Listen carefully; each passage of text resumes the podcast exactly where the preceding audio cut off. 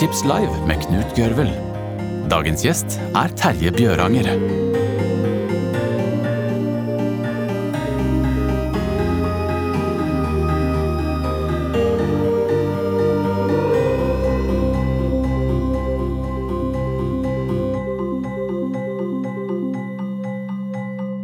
Som jurist i Kripos har Terje Bjøranger bedre oversikt over organisert kriminalitet, æresdrap og masse annet skummelt. Han eh, er eh, altså jurist i Kripos, og er da kanskje den krimforfatteren i Norge som har mest peiling. Han har nå skrevet fire bøker om eh, sin krimetterforsker, som heter Charlie Petterson Robertson. Og Nettavisen skrev om denne siste romanen, 'Kalifatet', at den var til terningkast fem. Veldig bra og veldig skremmende. Den, er, som dere skjønner kanskje av tittelen, 'Kalifatet', som vi skal komme inn på, rimelig skumle ting. Han er altså fra politiet, så hvis dere ikke gir han en, en sånn sireneapplaus, så kommer han til å bli sur. Ta godt imot Terje Bjøranger!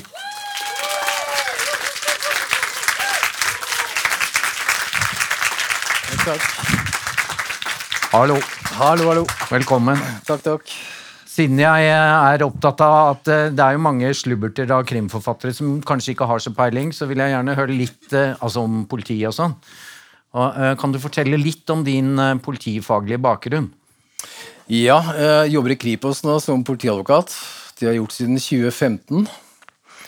Før det så var jeg leder for utlendingsseksjonen på Romerike, eh, Lillestrøm. eh, Romerike politidistrikt. Så det har vært de siste 10-11 årene i politiet.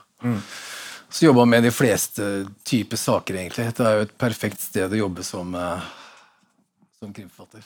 Ja, eh, Og du har vært borti æresdrap, eh, porno på nett, eller altså Fortell noen av tingene, for det kommer jo igjen i Ikke bøkene. sånn personlig, Nei, så har jeg ikke det. Nei som eh, i Ja. Kripos. Ja. Jeg jobber med æreskriminalitet i ca. 20 år. og Det er det som spenner fra ekstrem kontroll av unge jenter til ja, tvangsekteskap, æresdrap. Så i løpet av, eller siden nitt- slutten på 90-tallet har jeg jobba med et sted mellom 1500 og 2000 sånne saker. Så det har vært det som hovedtemaet mitt i karrieren, egentlig. Ellers så har det vært, som du sier, overgrep mot barn på internett. Det har jo tatt av ganske voldsomt, egentlig. Ikke minst under koronapandemien så har jo både familievold og også overgrep på nett blitt et veldig stort tema for politiet. For de har faktisk økt veldig mye. Eh, Og hvordan eh, er det å jobbe med den typen utrolig forferdelige saker? Jo, ja, man lærer seg nok til å ha et profesjonelt forhold til det til et visst nivå, men samtidig så har jeg tenkt at jeg har nok en fordel siden jeg ikke har egne barn. Jeg har også tenkt at de som har egne barn, kanskje i samme aldersgruppe, må jo slite, slite big time med en del av det de ser, og en del av det de hører. Så når det gjelder overgrep mot barn, så er det kanskje like sterkt å lese f.eks. chattelogger mellom personer som tenker å begå overgrep, eller som faktisk begår det. Det kan være like sterkt å lese det som å faktisk å se bilder. Så i, nå husker jeg ikke i fart Jo, det er i Business. I Business, boka ja. Før kalifatet så har jeg gjengitt en, eller skrevet om selvfølgelig, det skal jo være fiksjon av det her. Skrevet om en del av de, av de chattelogene for å vise hvor, hvor rått det er, og liksom hva folk faktisk er villige til å gjøre overfor barn. Så Det er um, Ja, jeg, la oss Ganske- ta ganske et, ekstremt. et par ord om business, for der er det jo nettopp at Jeg spurte deg, husker jeg, eh, rundt den, om er det virkelig sånn? Altså at det er menn som sitter her, det var jo fra mine hjemtrakter ute i Bærum, Mm. på Eiksmarka, sitter og bestiller altså eh, livesendte overgrep i Thailand eller hvor den er. For, Hva er det som skjer? Det kan du si. Og det er akkurat det som skjer. Det kan være, du kan sitte, Så lenge du har internettilgang et eller annet sted, så sitter de og har en direkte forbindelse til ja, Filippinene, Thailand, er de landene som går igjen, hvor du da kan bestille altså Det er personer der som har barn tilgjengelige. Og som da bestiller mot, mot noen hundrelapper, kan du bestille på den måten at du får vedkommende til å gjøre med det barnet det du faktisk vil. Og der er det ingen grenser. Det er altså en trafikk man har sett har økt veldig mye. og Det har jo vært flere politiaksjoner i hele Europa hvor man har klart å ta folk. Man har tatt veldig mange. Men vi ser også at øh, den mørke delen av nettet gjør at det er vanskelig å identifisere alle, selvfølgelig.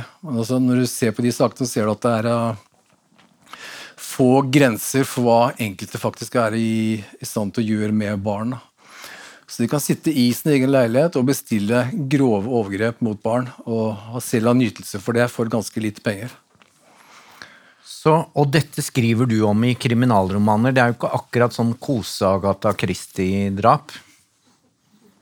Nei, det er uh, ganske langt derfra. Så ja. mine bøker er helt annerledes. Men jeg syns at virkeligheten er såpass dramatisk at eh, den overgår som regel det man klarer å finne på. Men hadde, jeg, hadde jeg sittet og funnet på de tingene jeg snakka om nå, så hadde jeg antageligvis fått noen, fått noen telefoner på mandag, vil jeg, vil jeg tro. Så ja, jeg syns det er veldig greit å drive litt voksenopplæring i det, for å mm. vise folk om hva som faktisk skjer. F.eks. det å ha en mobiltelefon. Så foreldre som lar barna ha en smarttelefon, det er jo en inngangsport for mulige overgripere. Mm. Det er altså ikke grenser for hva mange klarer å gjøre med en mobiltelefon i forhold til, i forhold til barn. Det med grooming ser vi veldig mye av. Det, er, um, ja, det, kan være godt voksne folk som klarer å utgi seg fra å være barn i forskjellige sjettekanaler med, med andre barn. Og de, de, er så flinke at det er nesten ikke mulig å skille de fra sjargong og skrivefeil og, og, de, og, hvordan de skriver i forhold til ekte mm. barn. Så de klarer å få barnet i andre enden til å, ja, klarer å vise litt hud, ta seg en T-skjorte, og så kan de bruke de bildene for å presse de til mm. å gå videre. Så gjør du ikke det og det, så vil de og de bildene bli sendt til, til familie, til skolen, til venner osv. Så, videre. så det er et uh, utrolig stort problem. og jeg tror kanskje viktigste man kan gjøre, er at foreldre har stålkontroll på hvilke sider, hvilke sjettekanaler som barna har, har tilgang til. Og eh, Det er vel en av grunnene til at du har fått så utrolig fin kritikk på alle dine bøker, at det er så ekstremt realistisk. Eh, men for en del av oss relativt sjokkerende også. Og eh, da må du fortelle litt. Hva handler det om denne gangen i Kalifatet? Ja, i kalifatet så ja, Jeg har alle bøkene så jeg har valgt å gå løs på det jeg kaller for litt sånne no go-temaer. Det kan være temaer som, ja, som offentligheten syns er litt vanskelig å, vanskelig å ta inn over seg, og kanskje vegrer seg litt for å gå inn i. Også litt berøringsangst. Jeg har skrevet om det du nevnte i sted. Æreskriminalitet, tvangsekteskap, æresdrap og det vi snakka om nå. Så nå har jeg valgt å skrive om jihadisme, altså hjemvendte fremmedkrigere. De som har reist fra Norge og fra Norden til Syria og Irak som da har vært der for å slåss eh, for den islamske staten i, i Irak, og, eller Irak, Syria og Levanten. De kommer tilbake til Europa og har noen planer. Jeg skal ikke si så veldig mye om hva de, hva de planene er, naturlig nok. I tillegg så har jeg en linje til med en eh, kvinne av jesidi-folket som da var eh, alvorlig forfulgt av IS. Så det er en uh, ung kvinne. Hun var tidligere slave for IS, uh, sexslave for IS, og hun finner ut at en av hennes tidligere eiere bor eller oppholder seg i Norden. Og hun har for å si det mildt, et brennende ønske om å klare å hevne hva som har skjedd med henne og hva som har skjedd med hennes familie. Ja. Så de to trådene som på en måte for møtes. Du, du, du skriver, skriver, om IS-krigere i, i, de tids... Uh Eh, sprangene der, med mm. altså både som har, liksom, skal være koner eller mødre for dem, og, men også om slaver og Altså mm. det er mm. ganske ekstreme tilstander. Det er det. Ja. Eh, men kan du fortelle hva, hva betyr kalifatet egentlig? Kalifatet er på en måte den, Det fins flere, flere, navn på det, men kalifatet er den måten ideelt sett et islamsk samfunn skal organiseres som eh, når det styres etter sharia. Og sharia er det, det lovsettet man kan få ut av bl.a. Koranen og de andre rettskildene innenfor islam. Så et kalifat er et uh, geografisk område som er styrt etter sharia-regler. Sånn som da IS forsøkte å gjøre i, i Midtøsten. Og da er det sånn at uh, du kan Det er alltid vanskelig med krim hvor mye man kan fortelle, men du må mm. nesten ta åpningsscenen ute på Bygdø. Ja. Fortell hva som skjer der, for da skjønner man litt at det er noe som kommer hit mm. til Norge. Ja, jeg har fått tilbakemelding på at det er veldig brutalt, og det er selvfølgelig veldig brutalt, men det er også helt i tråd med hvordan IS eh, har håndtert eh, sine fiender i, i sitt kalifat. Så åpner da med at det er en ung mann med innvandrerbakgrunn som da blir funnet ute på Bygdøy med Ute på huk? På huk, ja. Det er veldig mange kjenner, som da har fått hodet skåret av og sitter med sitt eget hode i fanget. Og han sitter også i en oransje kjeledress som vi sikkert har sett på TV veldig mange ganger, og for veldig mange videoer. Og Den måten å avrette folk på er jo, det er jo IS-modus. Eh, så det kan selvfølgelig være IS som står bak, og det kan også være, være copycats. Men det er jo opptakten til mm. Det som ikke er en Agatha Christie-roman. det tror jeg de har skjønt nå. Mm. Vi, det som er i hvert fall litt trygt og godt hver gang, er jo Charlie. Fortell ja. om eh, fortell, altså politimannen. Fortell litt mm. om han og hvordan han fungerer. Ja, Politimannen Charlie er egentlig en, eh, et minste felles multiplum av politifolk jeg har jobba sammen med i mange år, egentlig. Jeg trodde det var deg. Det er. Han har nok noen trekk av meg. Han drikker også whisky på hytta foran bålpanna, har jeg sett. Det, ja, ganske handlekraftig og Ja da, han er det. Så ja. Men han har de egenskapene som gode politifolk har. Liksom, du klarer å ha en teft, og du jobber også innenfor et regelverk. Han er ikke noen regelbryter, men han klarer å ønsker å tøye det regelverket man har i forhold til etterforskning og iretteføring av saker på en, på en, ganske god og til dels drøy måte. Men gjennom han så ønsker jeg å vise også hvilke utfordringer politiet har. Da. Sånn, man kan tenke seg at en politimann man hører om en pågripelse. Så tenker jeg at Du går inn i et rom hvor det befinner seg folk. Du, du vet ikke hva som faktisk møter deg på den andre sida av døra. Den psykiske belastningen det er. Så det jeg ønsker er å ta med leseren inn i, inn i en politihverdag som faktisk er ganske drøy, også i Norge. Og jeg syns jo det er utrolig interessant, også i lys av andre saker, Eirik Jensen eller andre. Altså at mm. Charlie også opererer helt på grensen innimellom. Og så har nesten eh, alle, i hvert fall romaner, men også Charlie, har litt sånn teite sjefer. Men har dere det, ja. dere også? Nei, vet du hva. Jeg, ja, Charlie har kanskje en par tette Ja, det har ja, hatt sånn et par opp igjennom, i hvert fall. Mm. Nei, jeg vet hva, jeg må skryte og anbefale alle å begynne som Han vet det er filma, altså.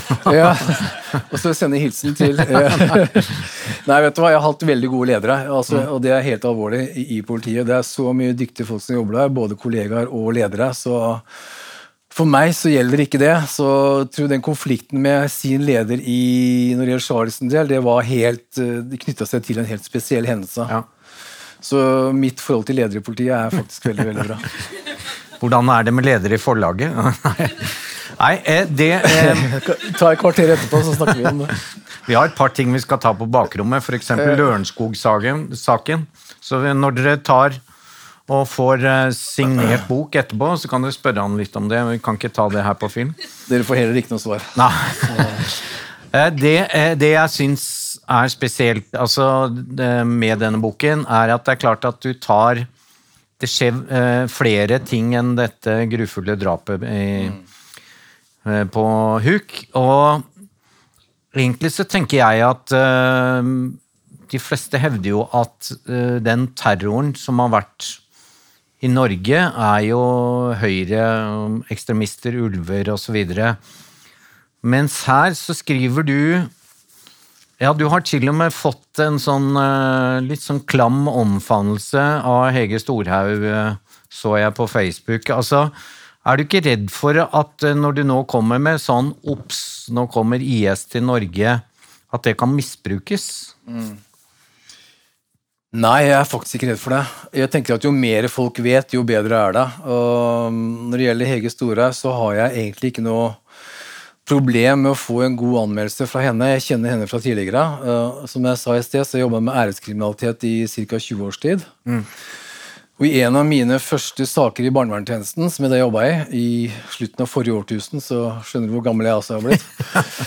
Så, jeg også, ja! ja, ja, ja nei, som jeg har blitt, mener jeg. Jeg er ikke du, selvfølgelig så fikk jeg veldig god hjelp av henne. For jeg, fikk, jeg jobba med en sak som jeg, skulle, som jeg brukte i jusoppgaven min. Jeg, og jeg hadde ikke peiling på temaet æreskriminalitet. Altså min første sak. Mm.